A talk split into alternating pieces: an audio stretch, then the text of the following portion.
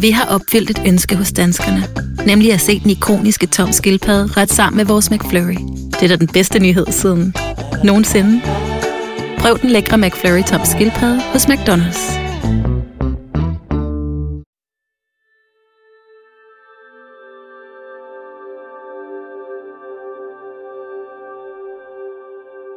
Tistedalen ligger i Norge, godt 10 km øst for den svenske skærgård og 120 km syd for Oslo. Det er en lille by, der er vokset sammen med nabobyen Halden. Byens historie er også Norges. Industrialiseringen af trælastindustrien har bragt både nye borgere og øget velstand til kommunen med de godt 30.000 indbyggere. Men Tistedalen er også blevet synonym med en række seriemord begået af en rovmorder af rang. En mand, det skulle tage år at opspore. Historien begynder i 1991, hvor et ældre og ekscentrisk søskendepar blev fundet knivmørtet i deres villa i Tistedalen. De to drab skulle blive særdeles svære at opklare.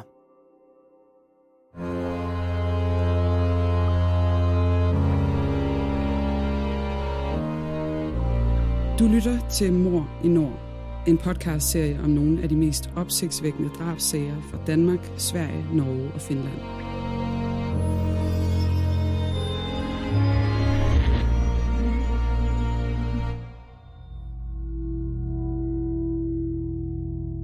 Det du nu skal høre er en virkelig historie, researchet og fortalt af Janne Ågaard og læst op af Le Gammeltoft.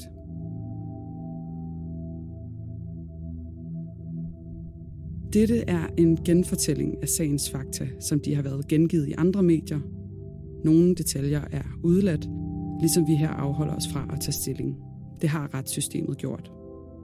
Men du skal være forberedt på, at det kan være voldsomt at lytte til, ikke mindst fordi det handler om rigtige menneskers liv og død.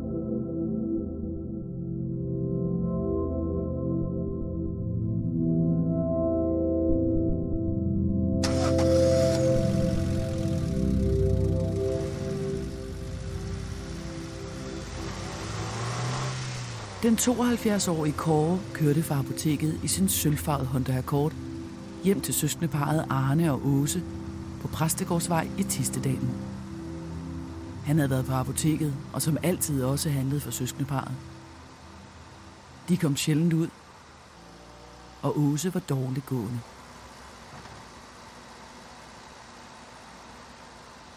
Det var en stille og usædvanlig varm onsdag formiddag, den 4. september 1991.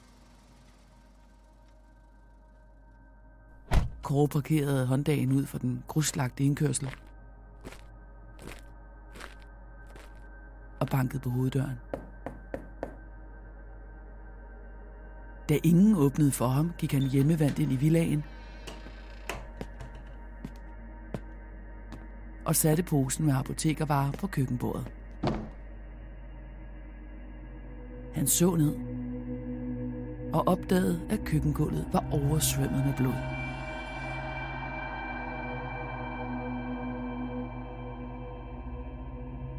Da politiet ankom kort tid efter, fandt de 78-årige Åse liggende død på køkkengulvet. Hendes lillebror Arne på 74 år var gemt under en bølgeblikplade ude i haven. Begge var dræbt af flere knivstik.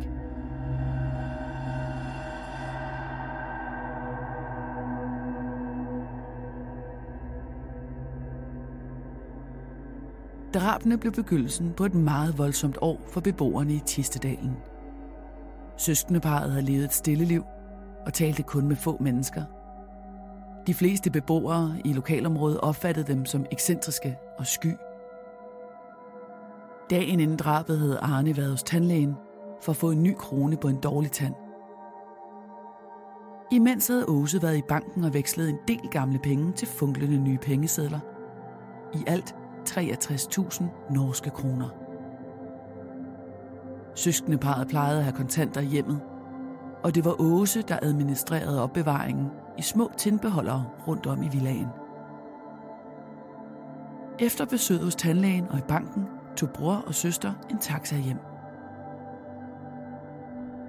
Retsmedicinsk Institut i Oslo mente, at drabene var sket aftenen inden, altså tirsdag den 3. september ved en 8-9-tiden. Villaen blev minutiøst gennemgået af teknikerne, og det stod klart, at der var blevet taget penge og værdigenstande fra hjemmet. Pengene, som Åse havde vekslet i banken dagen før, manglede også. Gerningsmanden havde efterladt fodaftryk i størrelse 43 med et meget specielt sålmønster flere steder i huset. Politiet holdt detaljerne om skoaftrykket tæt til kroppen. Det var aftryk fra en sko af mærket Mephisto. De er tunge og egnet til vinterbrug, så det var meget usædvanligt fodtøj at have på netop den dag, hvor temperaturen nåede 30 grader.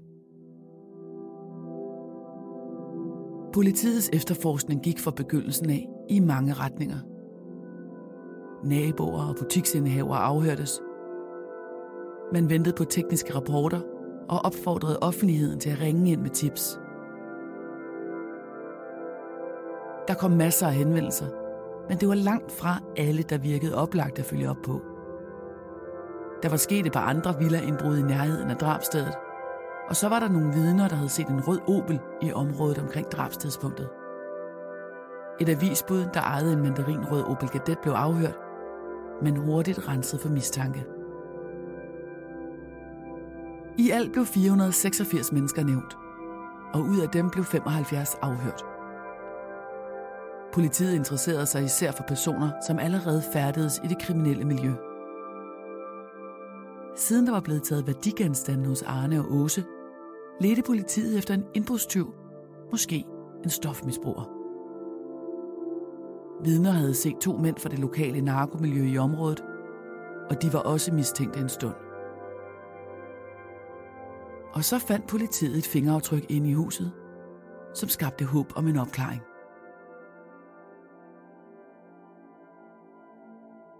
Søskendeparet havde i hovedsageligt holdt sig for sig selv, men dette fingeraftryk viste sig at tilhøre et mandligt familiemedlem. Det var ifølge teknikerne et uomtvisteligt bevis på, at han havde besøgt søskendeparet for nyligt. Mandens identitet blev lækket til pressen samme dag, som han blev anholdt.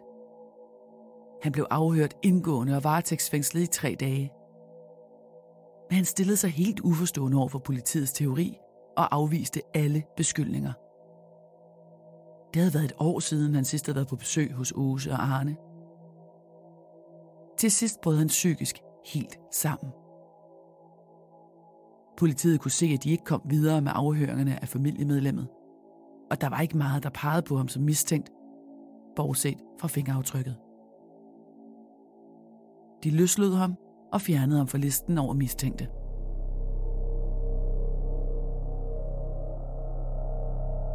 I mellemtiden justerede retsmedicinerne drabstidspunktet til morgenen den 4. september, altså nogle timer inden Kåre kom med apotekervarerne. Det betød, at mange af de mistænktes alibi skulle tjekkes en gang til.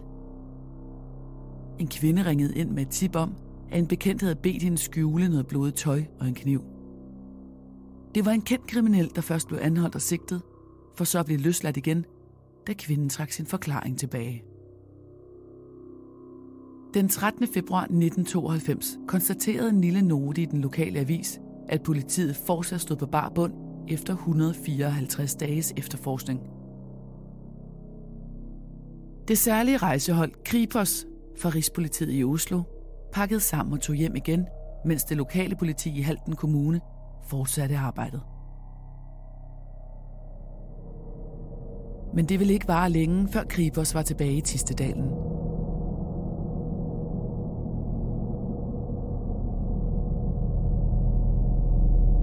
Et år senere, næsten på årsdagen for drabene på Arne og Åse, nemlig 1. september 1992, forsvandt den 71-årige pensionist Per sporløst fra sit hjem i samme område. Ingen havde set ham, og hans havlgevær, der normalt hang i dagligstuen, var også væk. Det samme var hans Volkswagen Golf og hans cykel. En større efterforskning med helikopter og hunde blev iværksat i området, og nogle dage efter blev bilen fundet i et afsides område af byen, kun lidt over en kilometer væk fra Pers hjem. Rejseholdet for Kribos blev indkaldt til at hjælpe med eftersøgningen. Teorierne kredsede om selvmord eller en ulykke, og eftersøgningen udgik fra stedet, hvor golfen blev fundet. Utrygheden voksede i Tistedalen. Der var ikke langt fra Åse og Arnes hus hen til Pers. Den lille by emmede af alskens rygter, og rejseholdets tilbagevenden gjorde ikke stemningen bedre. Ingen af efterforskningerne synes at nå nogen vegne. Per var som sunket i jorden.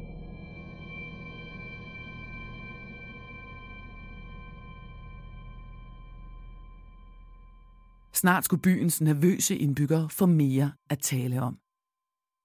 Men denne gang gik det ikke ud over en seniorborger.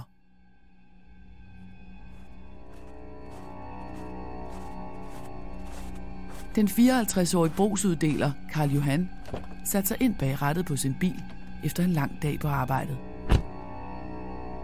Det var lille juleaften 1992.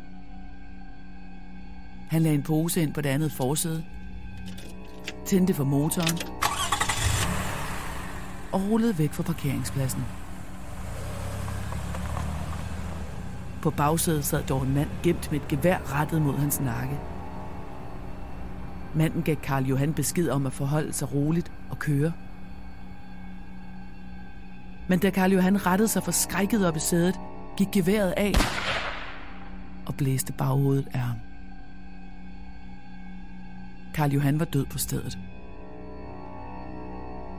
Gerningsmanden greb posen på forsædet og skyndte sig bort med sit udbytte. Den pligtopfyldende brugsuddeler havde været i banken for at deponere overskuddet for dagens rekordstore omsætning på 70.000 kroner et par timer tidligere. Han ønskede ikke at have så mange kontanter liggende i butikken hen over juledagene. Så udbyttet for røveriet blev 2 liter mælk.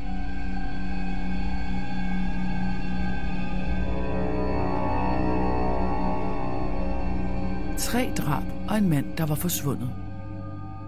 Det er ikke småting for en lille by som Tistedalen, og gaderne kom til at ligge øde hen. En mand blev set gående i området af tre vidner lille juleaften i en blå kædeldragt og brune sikkerhedssko. Skoaftrykket på gerningsstedet og på vejen blev indsamlet, og politiet havde nu en mulig flugtrute. Ved floden Tistas fandt politiet et par sko af mærket Softain, størrelse 44 og en kedeldragt i størrelse 52. I kedeldragtens lommer lå der ammunition. En havlpatron af kaliber 16.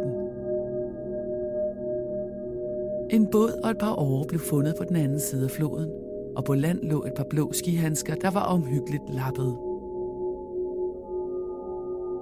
På både sko og kædeldragt fandt politiet spor af metal og svejsearbejde.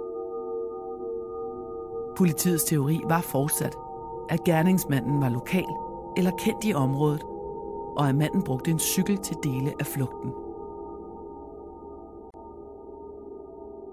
Den ballistiske undersøgelse gav pote. Ammunitionen i kædeldragten matchede et uopklaret røveri fra året før i Halten Sparekasse. Ammunitionen pegede entydigt på dobbeltløbet havlgevær af mærket Liège fra en belgisk producent. Det var produceret inden 2. verdenskrig og kunne nemt identificeres på et foto. Der var nemlig to haner på havlgeværet, hvor der normalt bare er én. Det uopklarede røveri var blevet fanget af et overvågningskamera, og det gav politiet et nøjagtigt signalement af gerningsmanden, og ikke mindst hans påklædning. En blå termojakke og termobukser, en blå strikhue og svejsebriller. Højden på manden blev bedømt til at være omkring 165 cm.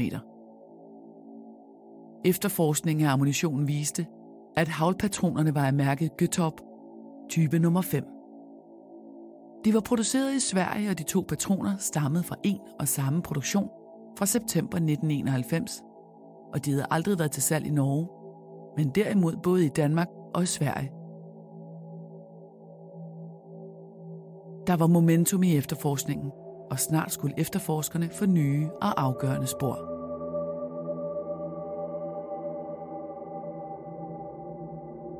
I marts måned, altså tre måneder efter det fejlslagende røveri, spillede to små drenge fodbold i Tistedalen, ganske nær Pers hus. Da den ene af drengene hentede bolden, der var havnet i en kompostbunke, så han et ur nede i mulden.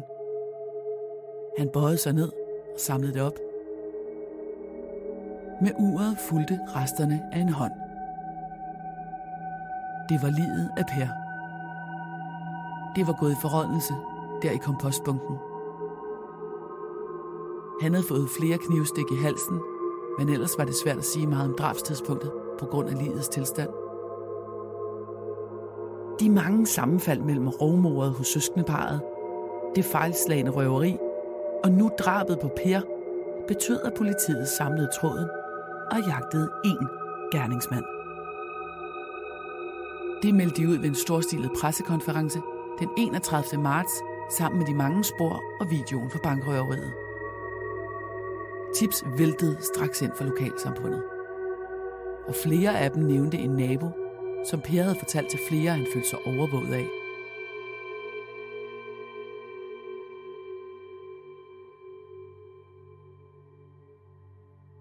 Samme mand blev identificeret som ejer af netop den type dobbeltløbet havlgevær, som var blevet brugt til røveriet i Haltens Sparekasse. Et andet vidne mente at kunne genkende stemme på videoen fra banken som sit nære familiemedlem. I alt stod der nu fire mænd på politiets liste, som var interessante. Øverst på listen stod den 54-årige familiefar, Roger Havlund, genbo til den afdøde pensionist. Politiet gik i gang med at se nærmere på Roger Havlund, for der var flere ting, der ikke stemte. Han var blevet fyret fra sit arbejde i oktober 1990, og det så ikke ud, som om han havde fået et nyt job siden da. Men i 1993 havde han stadig samme forbrugsmønster. Han udbyggede ofte familiens hus, og hans BMW var usædvanligt velplejet. Kort tid inden fyringen havde han belånt huset med over 850.000 kroner. Regningerne hobede sig op.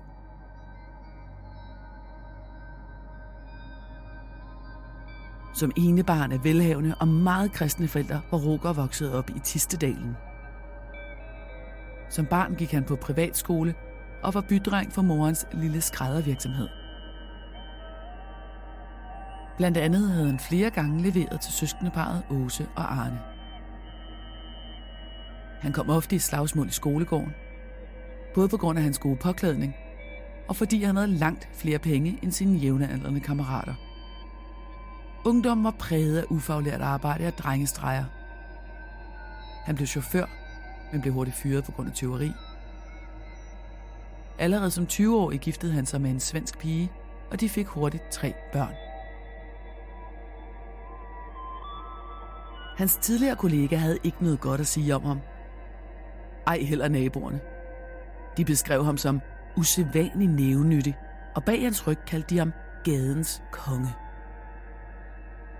Med en lang række indicier sikret valgte politiet til sidst at anholde Roger en tidlig morgen, den 30. april, på hans kones fødselsdag.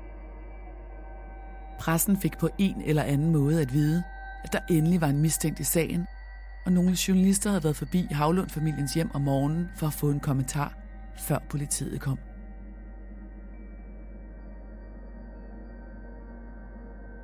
Til at begynde med at blive Roger bragt til politistationen for at blive afhørt om seks rovmor.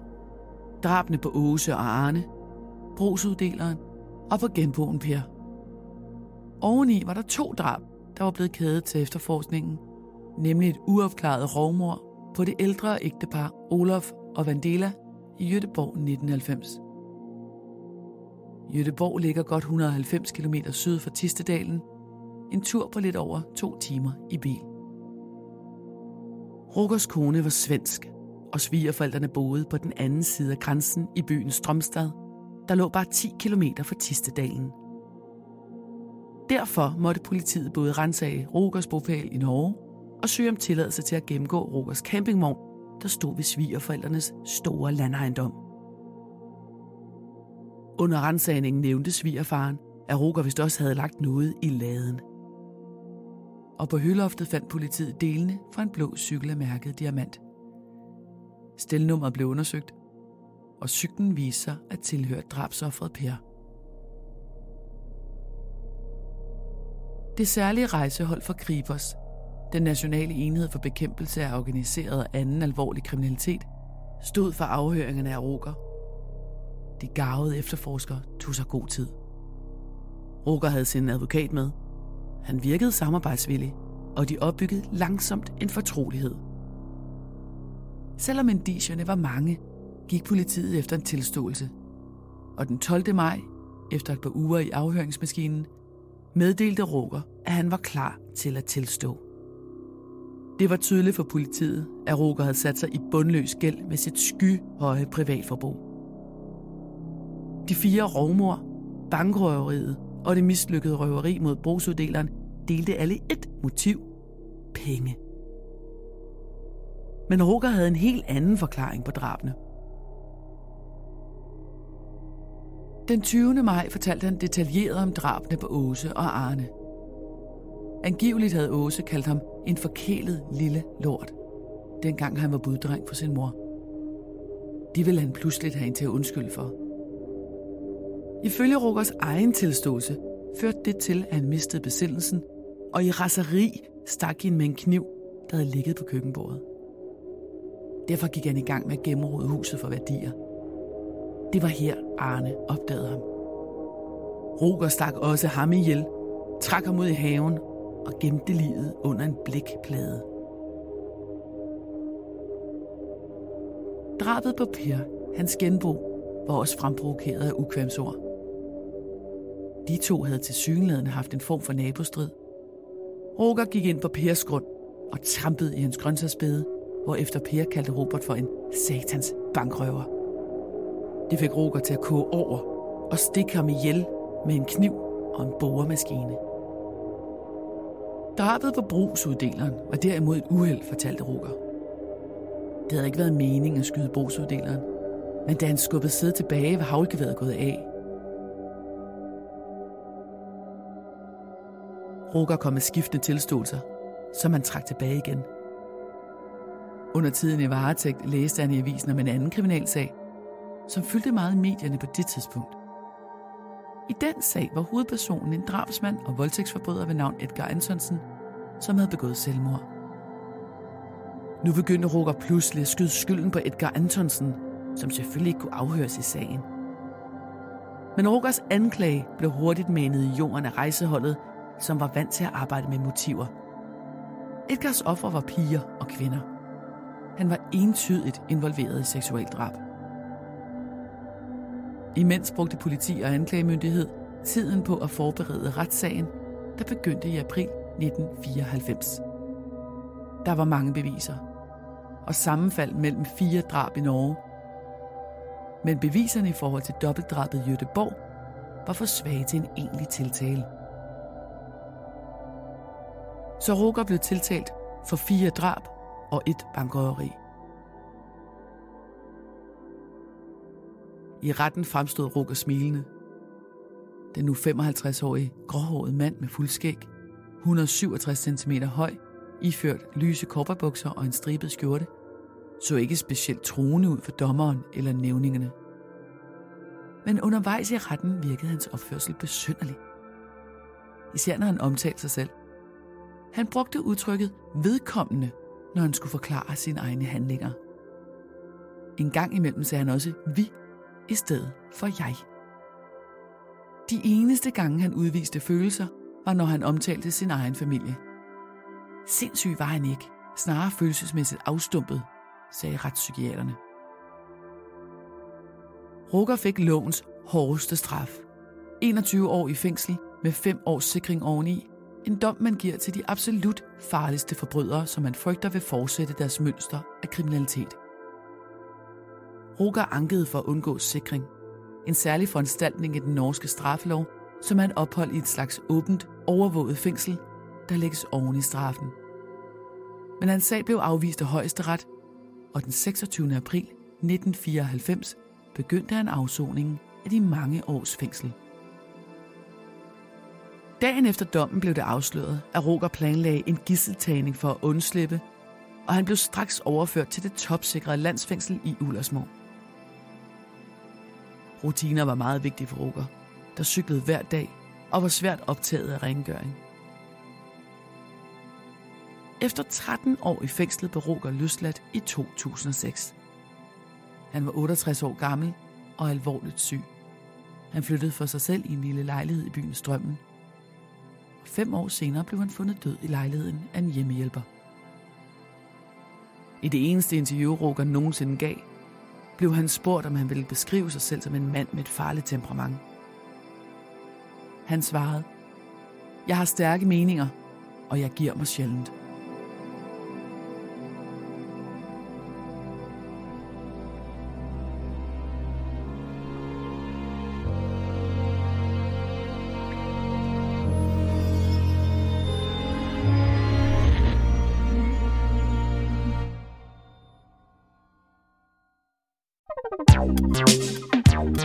Der er kommet et nyt medlem af Salsa Cheese Klubben på MACD. Vi kalder den Beef Salsa Cheese, men vi har hørt andre kalde den Total Optur.